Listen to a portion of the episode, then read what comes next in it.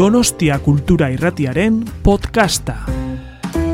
Bueno, arratsaldean guztioi, eh, ongi etorri hemen literaktun jaialdiko, bueno, saio bada honakoa, Peio Lizarralderekin solasteko plazera izango dut. Eta lehenik eta bain, bueno, eskerrak literaktuneko antolatzei gonbidapenagatik. E, bueno, e, Peio Lizarralderen literatura aspalditik irakurtzen dudan hoietako bada, eta horon gonbidapena luz, luzatu zidatenean elkarrizketa egiteko, ba ez nuen bitan pentsatu.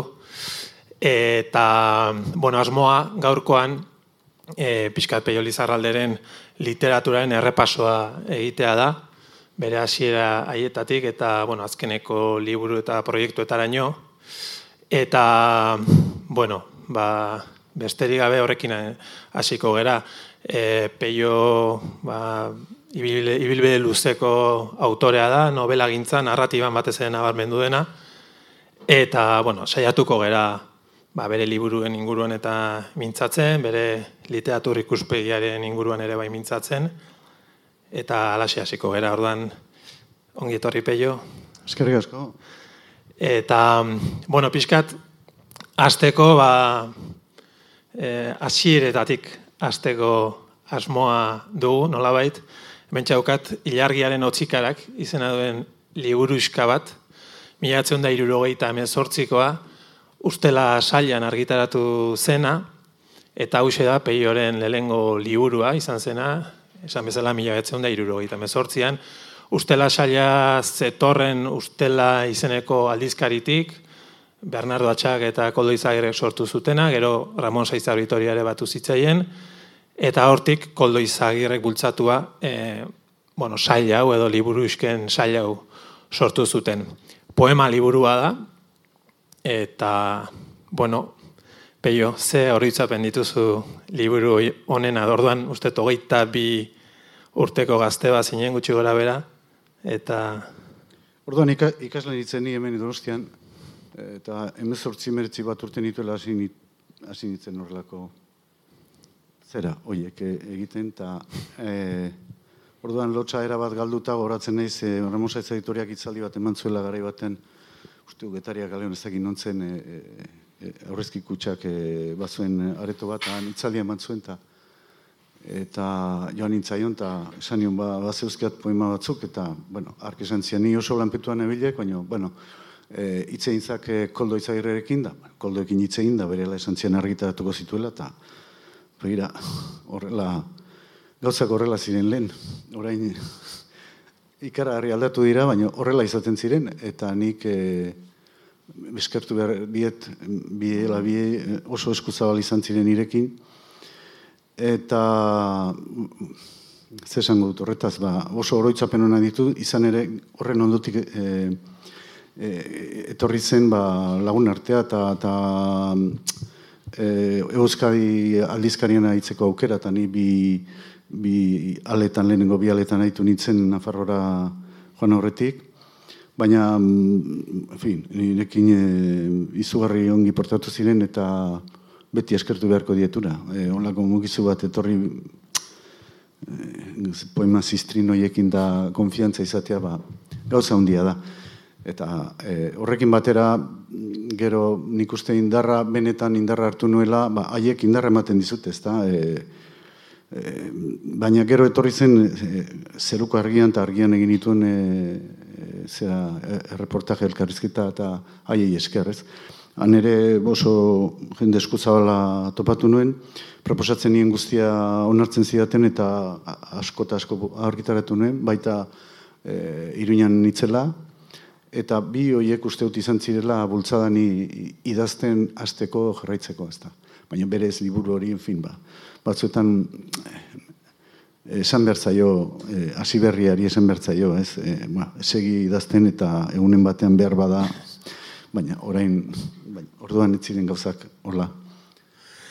Garai hortako da gutxi gora era, okerraz banaiz baita ere, e, aizea taldea, eta aizea taldearen inguruan ere aditu zinen, e, okerraz banaiz e, zuzenekoetan ere parte hartzen zenuen, mm hau aipatzen dizut, bueno, hasiera horietako kontua delako, baina baita ere, badakidalako musika zalea zarela, eta, bueno, gerora beste talde batzuekin ere balerdi balerdi, eta beste batzuekin ere letrak eta idatzitakoa, orrun musikarekin lotura hori ere hasieratik izan zenuena, eta gero, aizea taldea gogoratzea arren, ze impresio daukat ere, agian astu samar gelditu den talde horietako bat ote denez?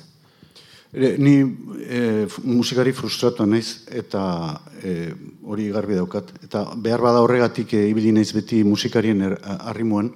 Eta musikarien nirekin me, aurreko koldo eta Ramon beste batzu bezala oso eskuzabalak izan dira.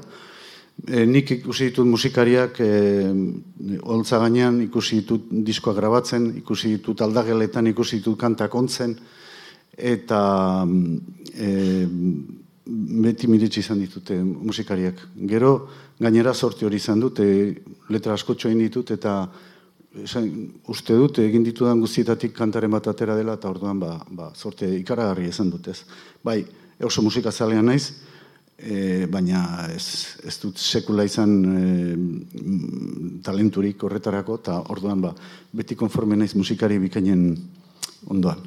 E, e, antzerkia tarteko, gara hortan hemen donostia mizinitzen, orain taldean taritzen itzen, eta orduan e, e, antzerkia tarteko ezagutu nuen amaia zubiria, eta orduan haiek behintxo minek e, lehenengo e, taldea utzita, hasi ziren bigarren diskoa prestatzen, anitzen ni, eta orduan ni haiekin egon nintzen, diskoa grabatzen loitzunen, izen nik mm, e, gero e, egin genuen e, e, jira luze bat, zortzi bat hilabetekoa, oso jendetsua izan zen gainera,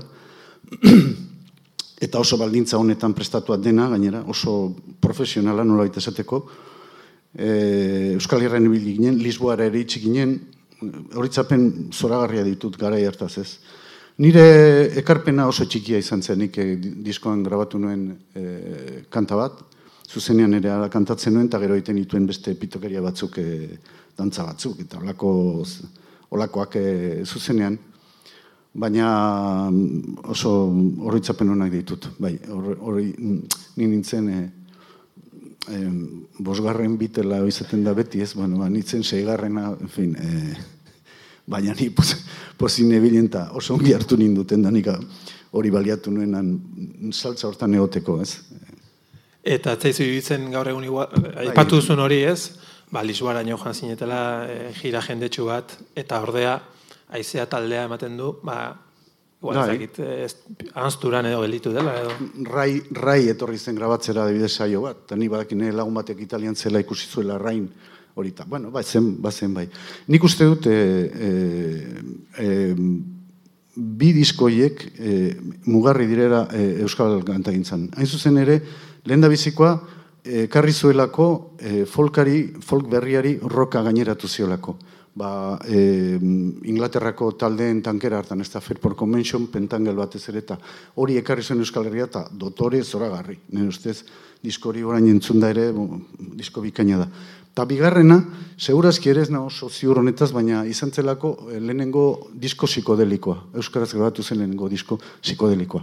Eta alaxe hartzen dute oraindik ere kanpoan, izan ere disko horren trukeni bakit, esate bateako Japonian, astakeriak pagatzen direla, ez da, irureun lareun bosteun euro.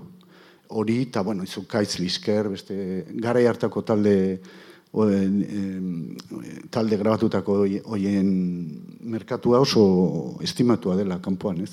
Baina musikari begiran ikuste hor bai, errebindikatzeko moduko gauza daudela, bai. Eta bueno, zure ibilbideekin jarraituz, mila behatzen da lara hogeita lauan argitaratu zenuen lehengo novela, E perikoloso esporgesi, zuri beltzean izenekoa. Eta, bueno, duela ez hainbeste berri irakurri nuen, Eta atentzio eman zian gauzetako bat zen, inpresa izan nuela, ordurako ja zure gerora garatu duzun literatura moldearen abe nagusi batzuk ja ezarriak zenituela.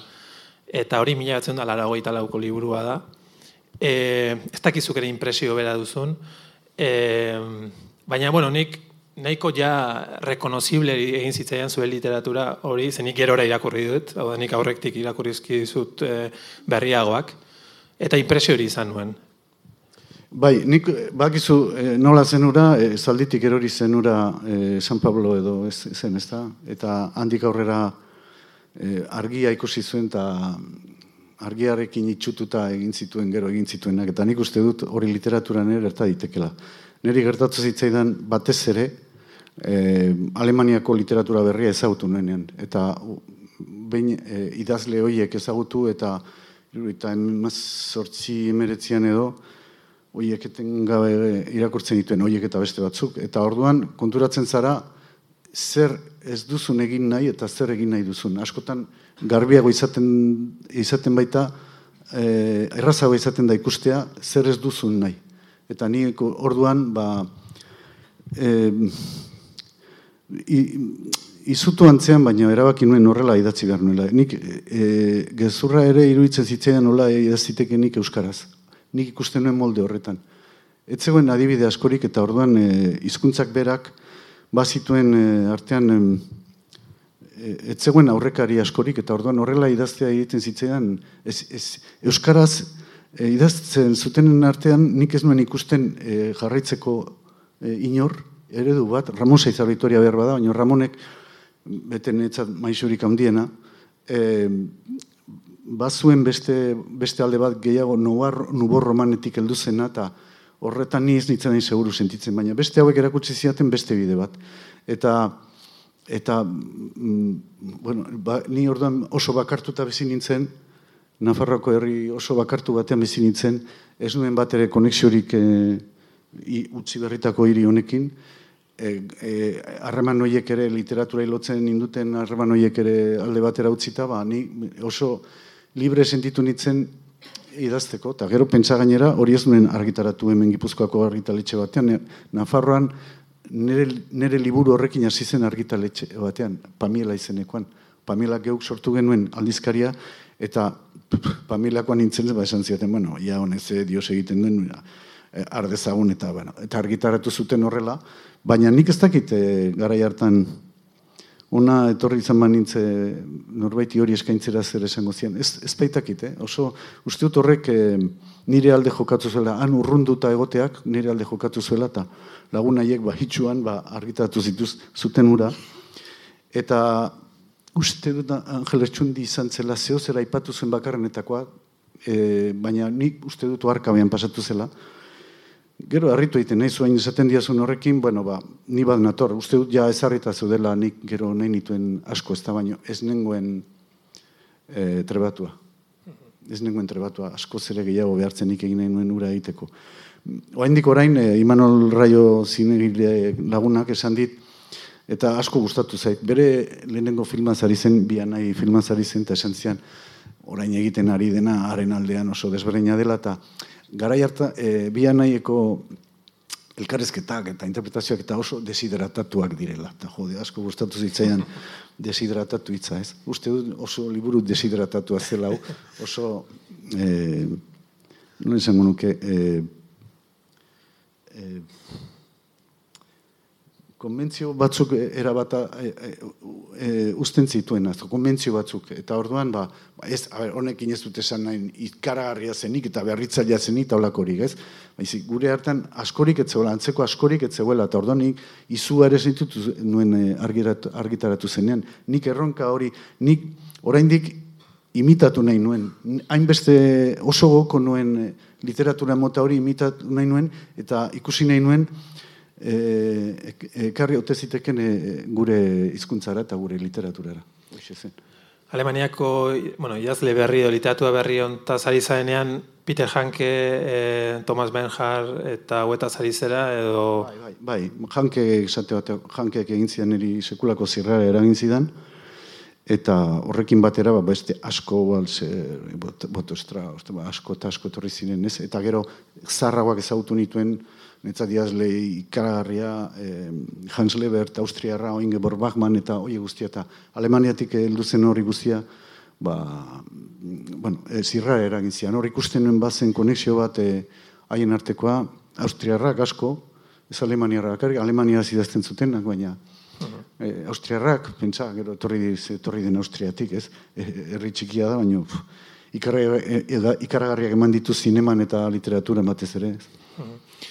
E, zure literaturaz, inoiz aipatu izan dira beste referentzia zu, lehen aipatu zuen nubo romanara dena, Cesar Vitoriarekin, Korma McCarthy ere ipatu izan da noiz bait zure literaturarekin konparatzen, baina Korma McCarthy ordurak oa indikan etzen Espainiara gaztera itzulpenen bat, ez dakila hmm. lauan, askorik etzen aliagatuko. Hmm, ez bakarra, bakarra, Baina gainera, e, nik uste nita zai direla McCarthy aipatzen dutela, neuk aipatzen dudalako, nik esan izan dut beti, bi, bizirik daudenen artean go, idazlegokoena McCarthy dudala, ez da?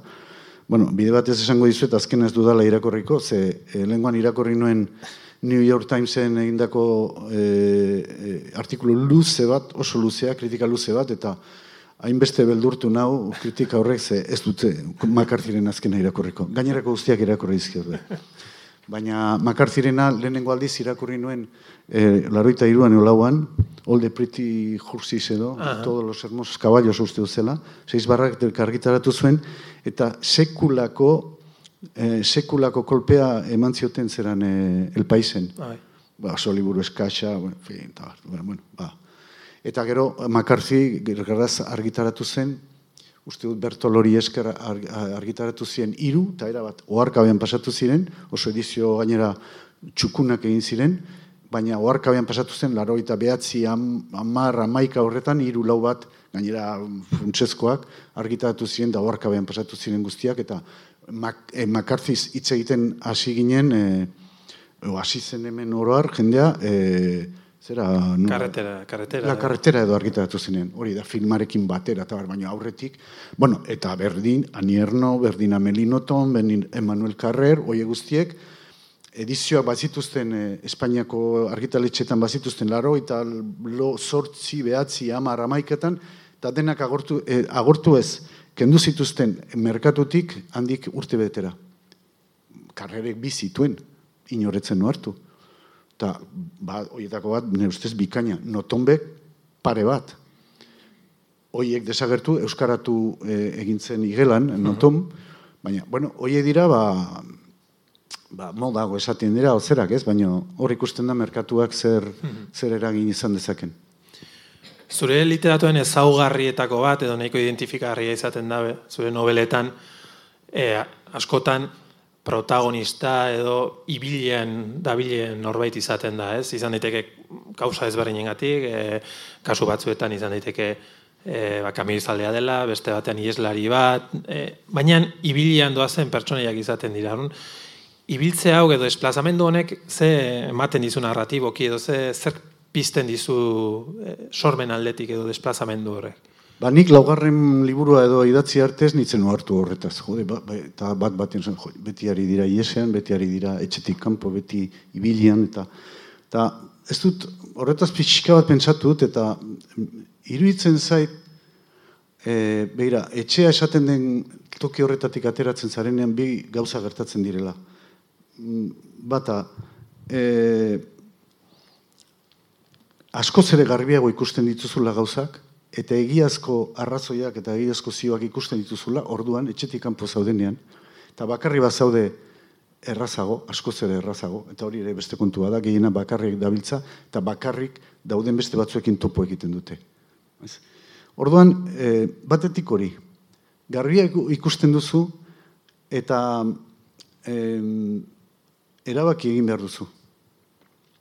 Ez dira asmo horrekin aterako, baina ibiliak ekartzen die erabaki beharra. Eta gero beste alderdia dago. E, etxetik kanpoa zaudenean, e, ez duzu eguneroko lurra zapaltzen, eta orduan lurra mugitu egiten da. Eta ez da, erabaki horiek, aurren, aurrez aipatu dituen erabaki horiek hartzeko lekurik eta momenturiko berena. Baina, iruditzen zait, e, egunero zeo zer erabakitzen dugula. Txikia bada ere, eta etxean egoteak eh, ez du behar den argi guztia ematen. Gero hemen erabaki beharko duzu, baina erabakiak hartzeko momentuan, kanpoan ibiltzeak uste dut ematen duela argitasun berezi bat.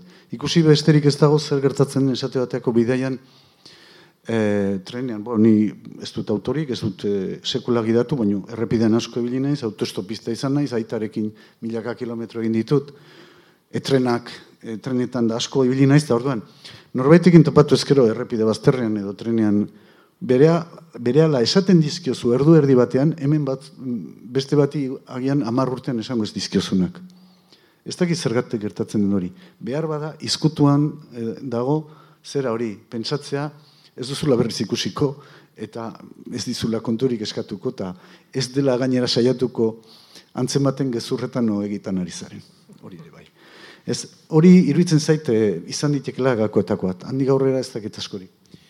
Gero pertsonaiak ere normalean, bueno, zure novelak esango nuke, ezin dira dago aparteago egon e, novela ideologiko edo etatik, baina era beran sumatzen dut badagoela pertsonaietan alako etika moduko bat, e, pertsonaia guztia normalean izaten dira apal xamarrak, e, eguneroko bere egin beharretan dabiltzanak, ez dituzte gauza epikoak inolaz ere egiten, ez dituzte balentriak egiten.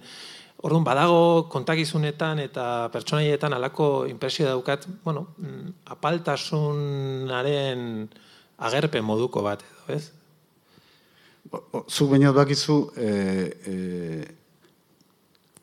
William Faulkner joan zitzaionean Sherwood Andersoni galdetzera izu zer egin behar dut idaz lizateko gauza bakarra esan zion, idaz ezazu ezagutzen duzunez. Eta nik uste ez dagoela holku oberik. Eta et, ze, ze simplea den eta ze askotan ze aparte biltzen garen ez.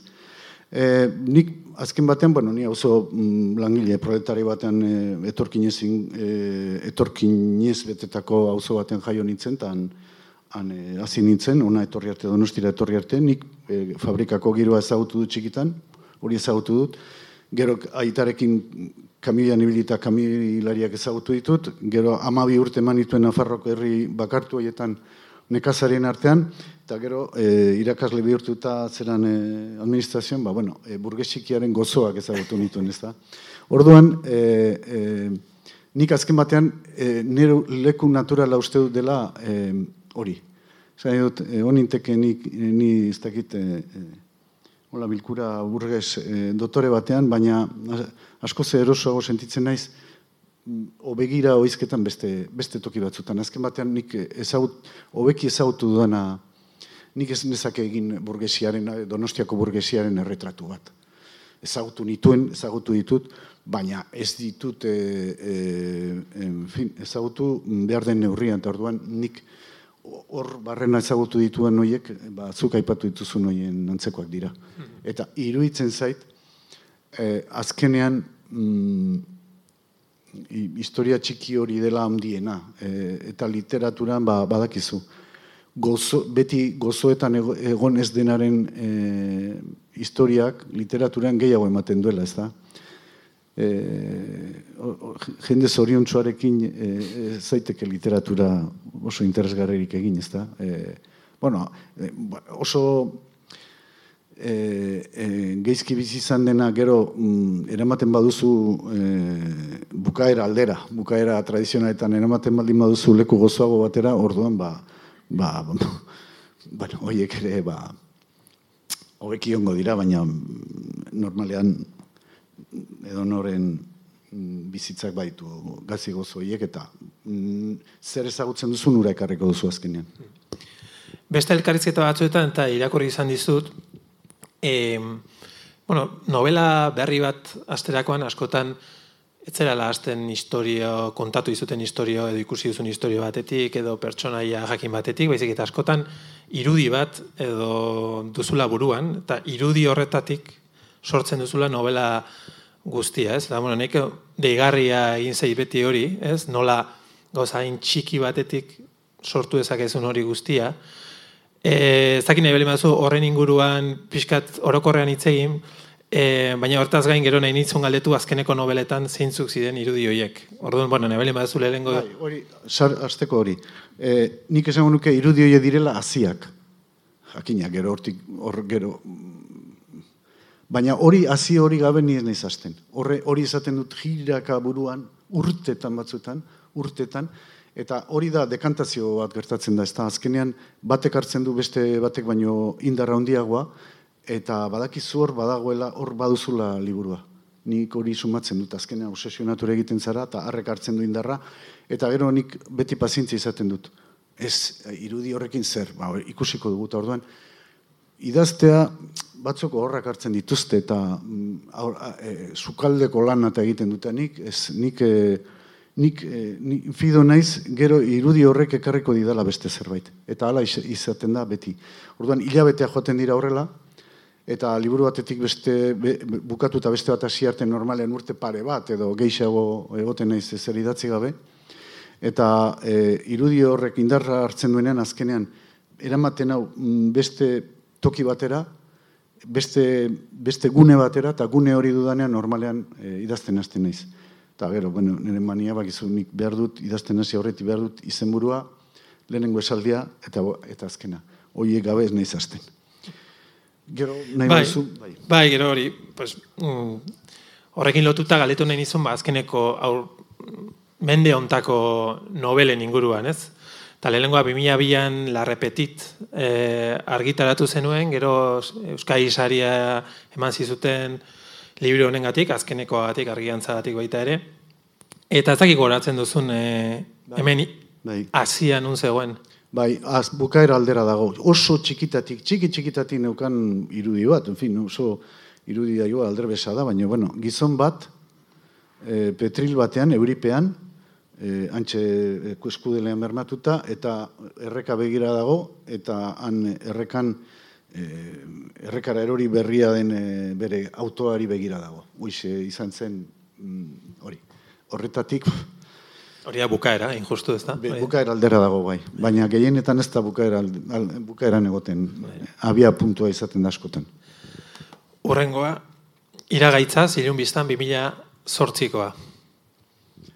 Begira, hori e, hori kasu betikoa da, baina al- aldi berean e, berezia da. Izanen ni arratsalde mehendatzea joaten naiz, eta orduan mehendatzen nahi nintzela egunkari hartu, eta hola bazter batean, Nafarroako egunkari batean ikusi nola albiste labur labur bat, eta kontatzen zuen, ba, e, herribera aldeko zerbitzugune batean kamilari bat antzen, e, e, ikusi zutela hilda, bere kamioiak edo harrapatuta ez da zerbait konpontzen ari ote zen, eta bueno, hori berrez dramatikoa zen, baina ja sekulako zirrara eragin zidan izan zen, e, jakitea hiru egun zeramala hilda. Ez? Eta orduan, e, ez dakit merendo ere bukatu noten nuen, ze atera nitzen, e, bihotza taupak atean nitzen paseora, ze instant horretan ikusi nuen banuela e, novela. Hoi berezia da, baina hori ere irudi bat da. Lehen aipatu duzu ezagutzen duzuna idazteena, e, baina claro, horrekin lotuta novela honetan ere zure aita ere eh, kamioilaria zen lehen aipatu Bai. duzu zeharka baita ere eta hortik ere hartuko zenuen gero imaginatzen dut, ez? Bai, bo, nik ezau, bai, beira, oain, esate baterako bakizu hemen, e, kamilari batek bere utzi eta beste batekin egin behar du tarte bat, eta bar, gogoratzen naiz, e, artean etzen telefonorik eta a, aitona, azketiko aitona hiltzenean, e, bazen lehen Radio Nacional de Espainian bazen, e, oso e, hauts lodiak esaten zuen, e, eh, comunicados, ez dakiz zer, eta orduan esaten, se comunica a don tal, don, en fin. Orduan, aitak gai, e, piztuta izaten zuen batzuetan, e, eta orduan, e, e, egun hartan izorratua zuen e, e, zera, irratia, Eta ja, man, La aldean ginela aitarekin e, uberria ziren, La aldean ginela geldiara zigintuen e, polizia, zea guarezin motorizatuak, eta esan zigun e, aitona hila zela eta deitzeko etxera, ez da. Orduan, aita kamio jautzi, eta han zegoen beste kamioilari bati esan genion e, joan beharra, etorri beharra ginela zera, Euskal Herri da, eta goratzen naiz, ba, gau ez, gau osoa egin genuela, beste kamioi batean ni erdi lo, eta beha seineraino etorri ginela beste kamioilari batekin, ez? Hor badago, mm, e, oantxe, esan didazun honetan ogartu naiz, eh? baina, baina bai, horrelakoak eta besteren batzu badaude, baina biografia beira hor, e, nik nahi nuke irazten dudan guztia biografikoa izatea. E, e, autobiografikoa. ze- ze- baina hori, bueno, zeran zentzuan, ez? E, Flauerren Madame Bovary zemua, hau da. Idazten dudan guztia izan da dila neri benetan inporta zaidana, eta netzat, e, en fin, al, neurri batean hilara bizikoa dena idazteko orduan bintzat. Orbanak, 2012ko liburua da, goan daukazu. Bai, hasierakoa. Gizon bat, poligono batean, e, egun oso sargoitzu batean, e, han jiraka, mm, nundik e, nora jo ez dakiela, hoxe zen. Besterik ez. Hori zabalagoa zen, baina hoxe, hoxe zen, hori garbi nuen. Elur bustia, 2006koa. Elur bustian, elur bustian biziren, eh, ez ez, esan dizudan hau, elur bustiakoa da, jo, esan dizudan, eh, aestiko hau, poligonoarena, el- elur bustiarena da. Eta lehen, ez, lehen zertzen, Orbanak. orbanak.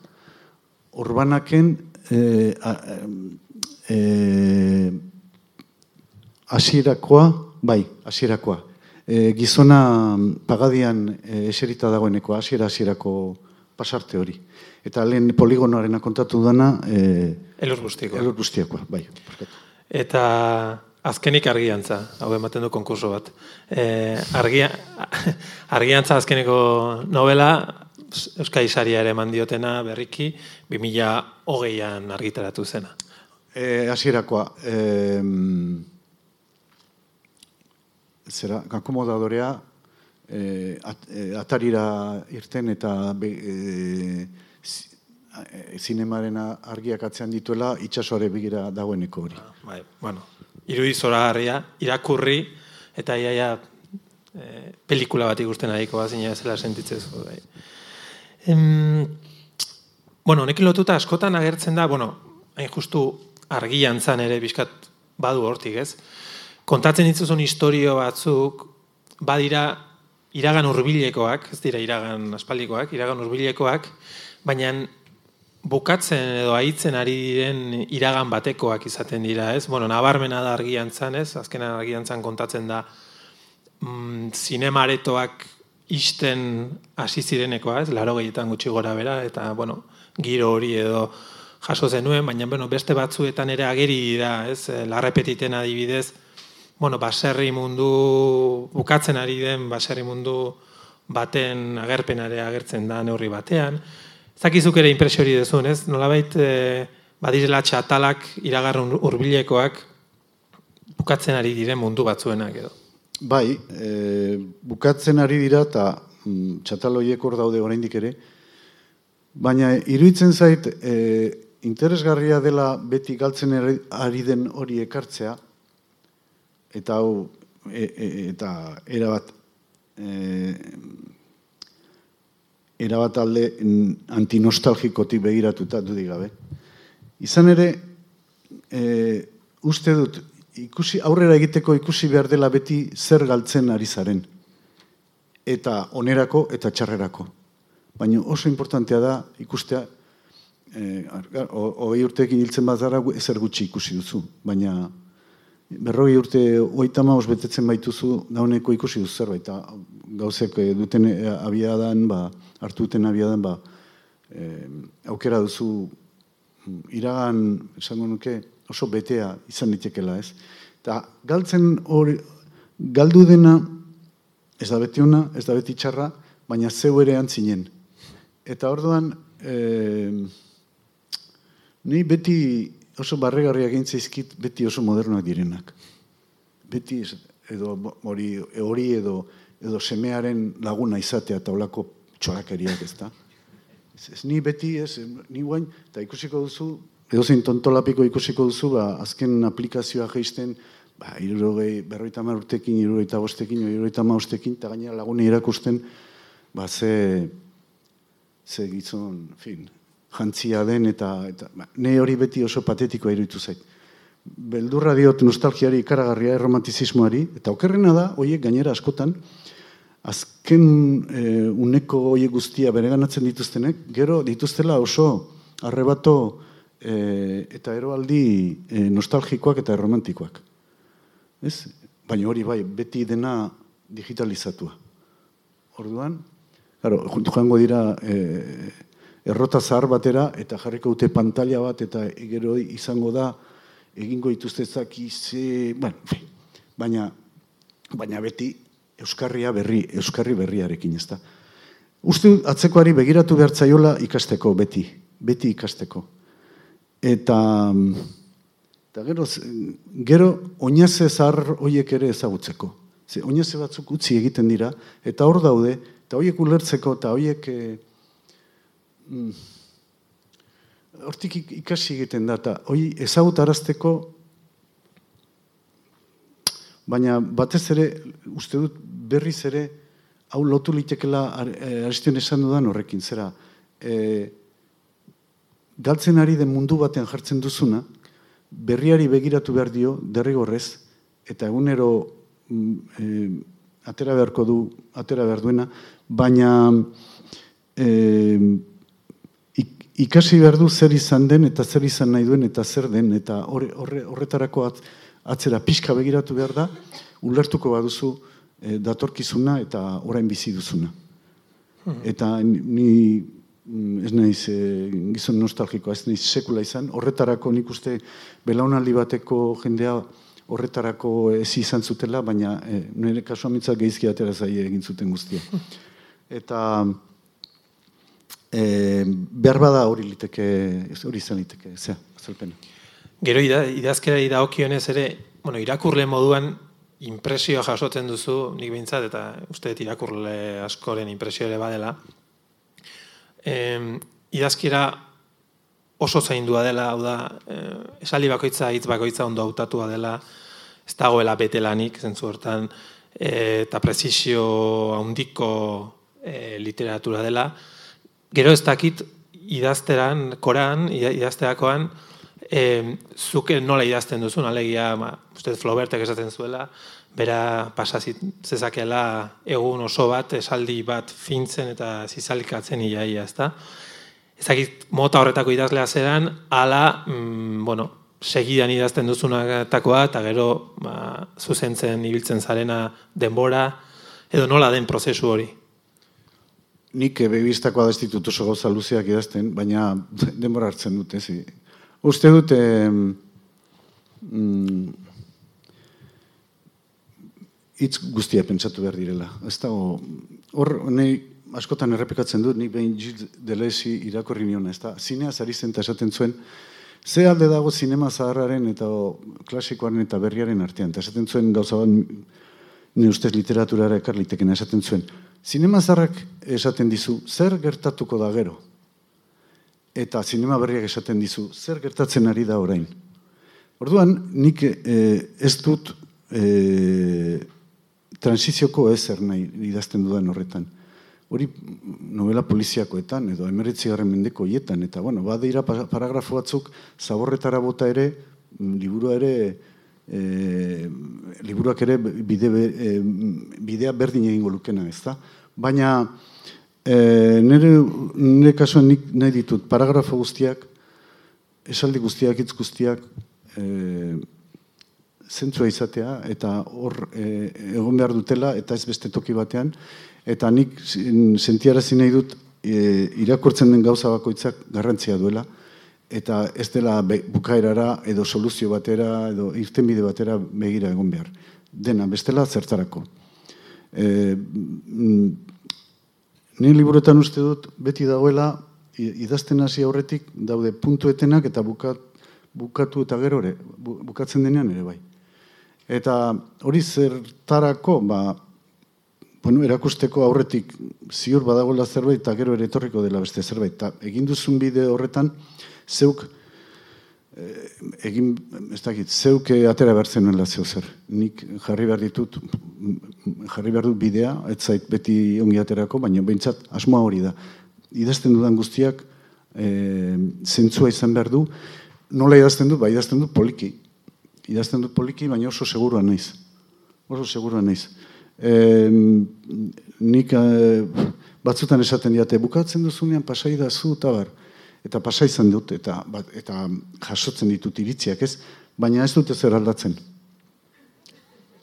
Eta gainera, etzai gertatu sekula, baina E, neri etorreko balitza izkitu, baina- eta gertatu da, eta gertatzen da askotan, eta niri ere behar bada gertatuko zait, baina nik eh, editoriari liburua pasa, eta esaten badit ez duela argitaratu nahi, edo esaten badit barkatu, esaten badit, hau personai hau behar bada luzatu, edo hemenik eh, ez da gizerta, ez, ze ni liburuekin, nire liburuekin asko aspertzen naiz. Aspertu egiten naiz. Nik buelta asko eman dizkio, eta nik ez dakit besterik egiten. Eta horrez dago arrokeria, ba, jakina, hori, ez ezko emango baliate, nik e, bil- bila- beste toki batean bilatuko nuke, baina nahiago dut hori utzi, atera gabe, eta ez hasi, guain, hau eta hau luza ezazu hau, eta emaiozu beste nortasun bat honi, edo, e, aspertu egiten naiz. Eta esati dizuet, segurua naiz, eta idazten dudanarekin, ba, konforme arte, ar, e, egon arte, ba, hortxe, poliki haitzen naiz, poliki. E, pazientzia badukat, baina gero, bano, ba, nik ez dute egiten irureun horrialdeko nobelarik, hor- hori ere e, kontuan hartu behar da, orduan disiplinatua naiz, idatzi ala zuzendu egiten dut, eta gero e, hiru bat hilabete edo uzten dute mm, antxe, eta gero hartze dituzu sustuak, goindik ere ez, handik hiru hilabetera berriz hartuta esaten zu, no noten hitzen ni hau idatzi nuenean, baina gero azkenean ukitu eman eta mm, entregatzen dut. Baina pazientzia badut. Zinema ipatu duzu baita ere, eta, bueno, zinemaren inguruen zeo zer komentatzen ikuste pertinentea dela, ze, bueno, mm, ale batetik zinezalea ere bazara, e, baina bestetik, ba, zure idazkera askotan ere aipatu izan da kamera begirada moduko baten antzekoa direla zure novelak, Hala ere esango nuke, ez dela bakarikan begirada, ez? Zure nobeletan ere badaude, us, usaimena agertzen da askotan, zarata soinua ere bai, e, bueno, zentzu guztiak edo, edo asko agertzen direla zure nobeletan, baina dozein kasutan egia da askotan, ba, lehen aipatu duzunaren bidetik, irudiak edo izaten direla deigarriak, ez? Orrun zinemak iruten zaizu eman dizula baita ere zerbait zure idazkerari eman diola edo Dudik gabe, baina nik uste dut inork ez duela idazten e, sinema sortu horretik idazten zen bezala. Ez da novela klasikoen egiten dutenak ere, ez da novela arrosa egiten dutenak ere. E, hori ukatzea, ni astakera iruditzen zait, inork ez. Ba, si, pelikulak ikusi ditugu, eta irudioik geratu zaizkigu. Eta nola aldatu den horrek e, hizkuntza aldatu du. E, baina kontua ez da idazten duzunean pelikulak egitea. Kontua da e, el, or, izkuntza horrek zer ekarri, zer ekarri dizun. Eta nik uste dut, ekarri duela begiratzeko modu bat, e, behar badat zehatzagoa, e, gaurko gizarteari hobeki erantzun, erantzun dizaioken e, hizkuntza bat.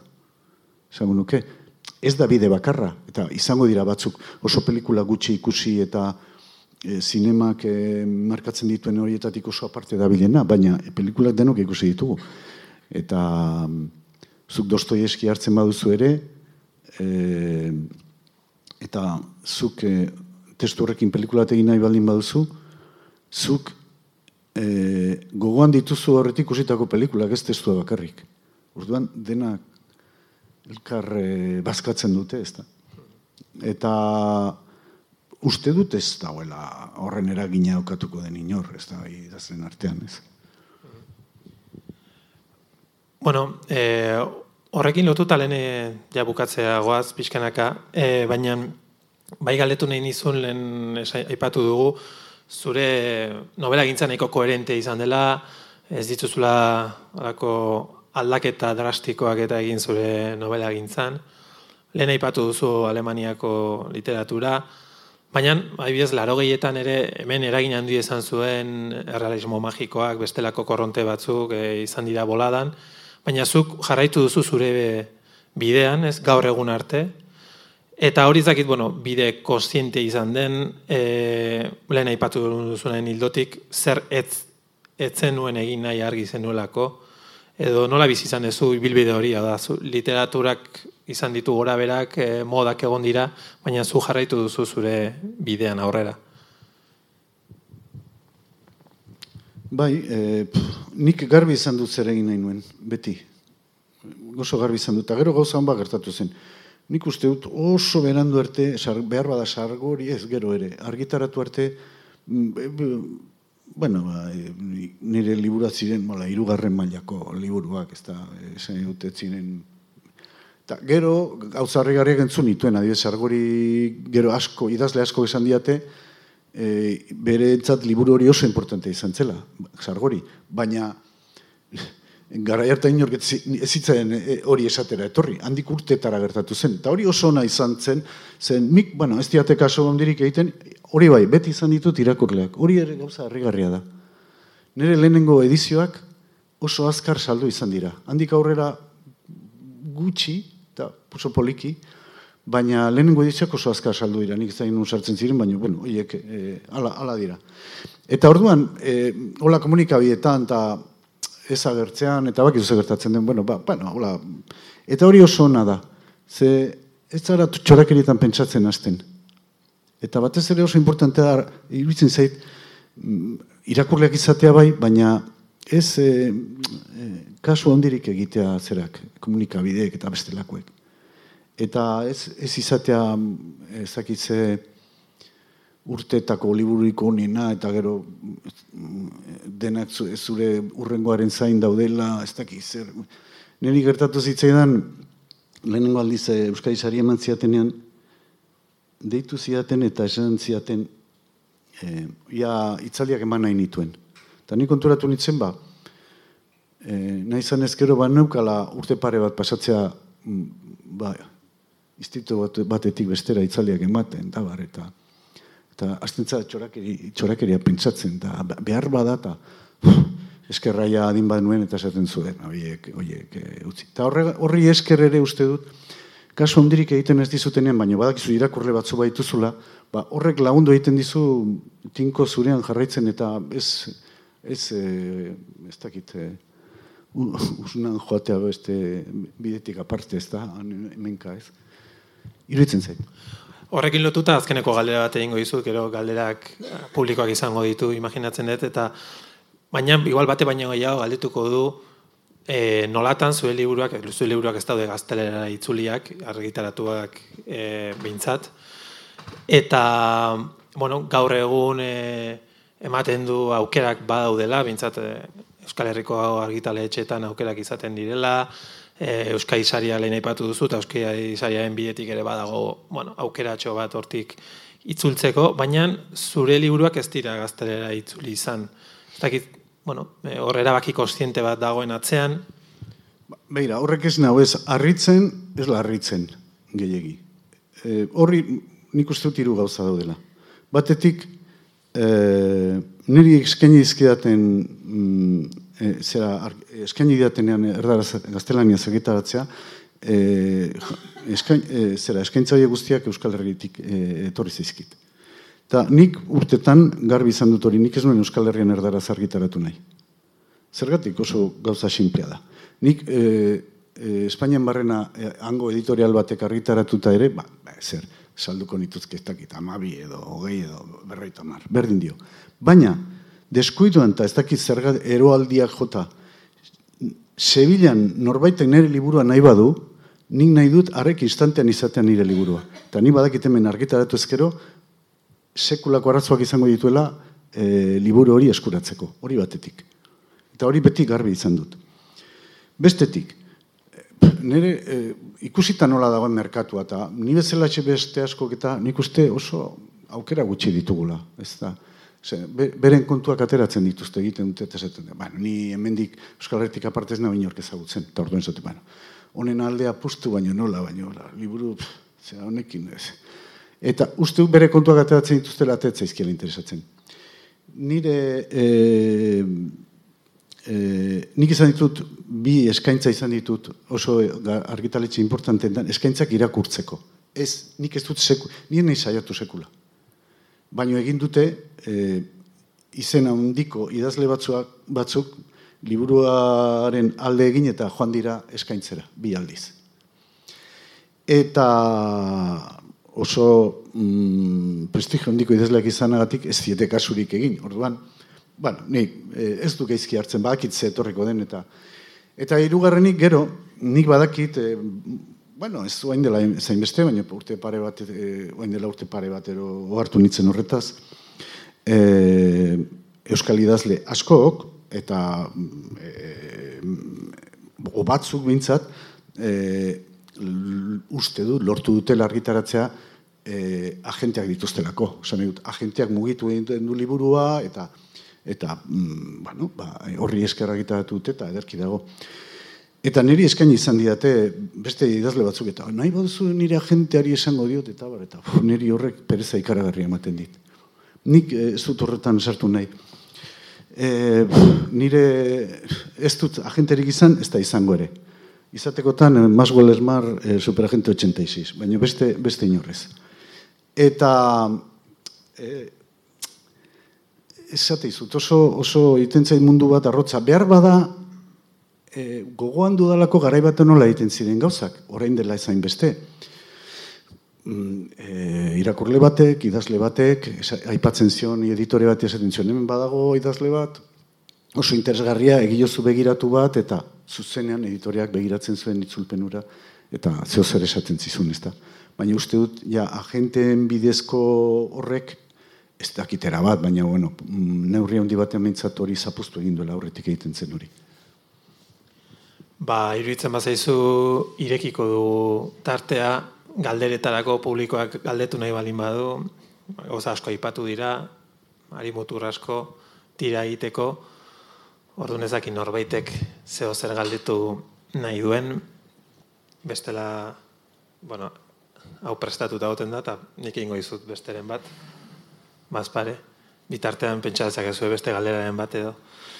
Eta ez dugu aipatu, eta uste aipatzea zilegi dela, sastraka proiektua. E, mentxe ikusi duzu, bengo aretoan erakusketa dagoela, eta sastraka proiektuaena, tartean zuk ere parte hartu duzuna. Eta, bueno, ez dakit, nebelin bazu kontatu pixka proiektu hau nola sortu zen, e, proiektu berezi bada, zinegileak, musikariak, margolariak eta idazleak e, bat eginda eta bueno, konta iguzu pixka sastrak hasi izan den. Azteko propaganda, inbar dut, ostiral arte hortxe duzu irekita, ostiralean e, itxiko da erakusketa. Eh? Ba, hau ba, bakira, e, hau sastraka egin dugu ibilbidea ikusita gero, pentsatzen duzu ze ederra den asmo hundirik ez izatea. Nik bintzat ondorio dateratzen. E, nik oso laguna dut aspaldian e, margolari hori, Josinazioa e, agorreta, eta, bueno, hortxe miltzan ez, e, urtetan da, bueno, elkarrekin mendira joaten gara, noiz nahi, elkartzen gara, eta orduan askotan esaten zian, ba, ba, egunen batean zeu zerin beharko denuk elkarrekin, da, bueno, horrela joan ziren urteak, eta 2008ko udan, e, ama bi horrealdeko bat pasatu nion, esastraka izenekoa. Nik ez, ez nuen asko uste ez ere gozionik, izan ere e, agorretaren e, lanak beti barrura begira indakoak ziren, ez? Beti zen etxe eraitziak, etxe e, fabrika eraitziak, txatarrak, e, zabortegiak, ondakinak, eta bestelako. Eta orduan nereak behartzen zuen e, kanpora ateratze da. Eta orduan nik esan nion, ba, ez dut uste zeraterako duzuni, baina etorri ia urrengo egunen eta esan zian, hogeita lau kuadro egingo ditut urte terdian. Arrituta geratu nintzen, eta ba, aurrera. Orduan, nik bere ala esan nion, bueno, hau erakutsiko dugu, testu argitartuko dugu, eta bar, eta esan zian katalogoa, eta esan nik katalogoa, ez katalogoa, etxera, etxea e, iritsi eta bazter baten usten duzu, bota egiten duzu. Orduan, liburu bat egingo du, autodizio bat, nahi duzu nahi, hola, segi zuen beran lanan, baina, lehintxeago gu, lan, e, lan eginak ginen e, oso gauza eder batean imanolu beda musikariarekin, eta e, Josinazio agorretak egin zuen azala, eta neuke letra e, manizione e, eta kandu bat bikanta ondu zituen e, Imanol Bedak horrekin. Eta orduan esan, zer ez esan Imanoli, ja, zer, e, irakurri eta behar bada zerbait e, buratuko zaio, eta berak ikusi orduko, ba, esan zuen, ba, testu ederra da, nik ez dut ikusten modurik e, hemen nik eskua sartzeko, eta Baina hori esan zuen, baina handik iru hilabetera ama bikanta zituen e, testuetik hartutako zati, zati osatuak, kantu zoragarriak. Eta azkenik, ba, gu tarteka mm, e, zera biltzen zitzaigun zera e, Imanol Ubeda, Imanol Raio zinegilea eta behin menditik e, bueltan ginela, sartu ginen Jose Nazioaren e, estudioan, eta ikusi zuenan zerbait gertatzen naizela, etzirela ohiko kuadroak, eta orduan esan zigun, eta zian, bueno, ontan nahi gara.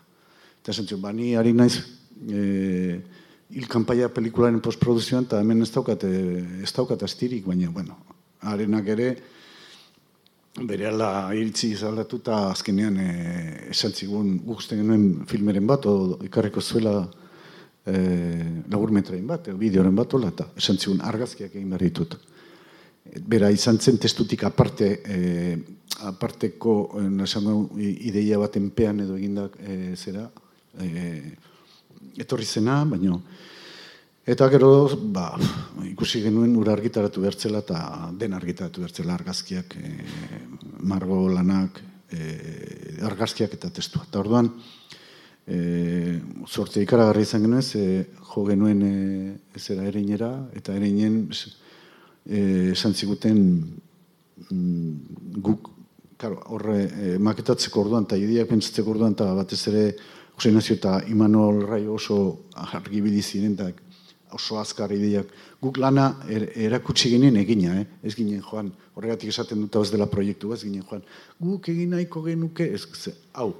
Eta orduan, hori montatzea eta hori horri hori ematea, ba, e, etzen erraza, baina ere inek esan zigun baietz, eta ez dugu bat ere arazorik izan, dagoeneko erakutsi dugu e, Iruñan, er, egunean kontzertua, e, kontzertua egin zen, han, kantak zuzenean jo zituzten Doni Horrez eta Imanol Ubedak, eta gero berdin gazteizen, oraintxe amaitzen dugu ibilbide hau, uste genuen jarraituko genuela Bilbo aldera, azkenean ez, eta eta ostira lontan bukatuko da mm, sastraka jira lab, laburra, baina hoixe da. Bueno, gomendatzen izue liburu baita ere, hor erakusketaren sarrean badukazue, zoragarria da objektu bezala, maketatua, e, bueno, liburu ezoiko hietako bada. Eta tira, azkeneko aukera duzue, galderaren bat egin nahi izan ezkero, eta ez badago, ez dakit, inorra. Bai, hemen txeitxun, mikroa pasako dizute. Esen, e, ez dizue proposatu zure liburun batekin, batez ere azkena, filme, filmetxo bat egitea, nizkizkene pelikula bat iruditzen zaite liburu hori. Hori askotan, askotan galdetzen diate, eta nik uste dut egin litezkela e, filmak e, nire liburuekin.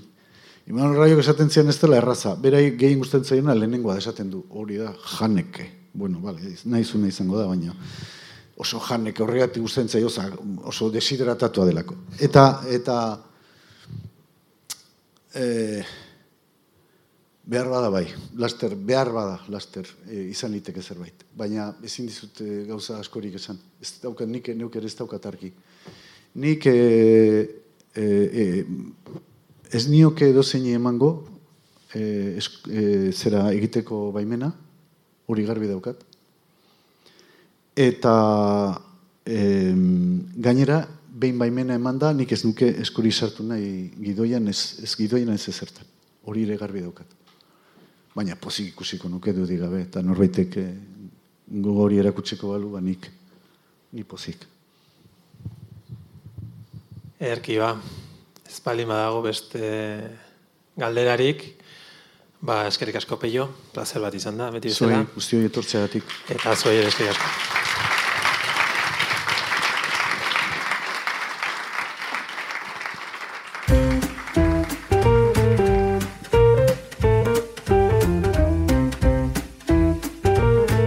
Donostia Kultura Irratiaren podcasta.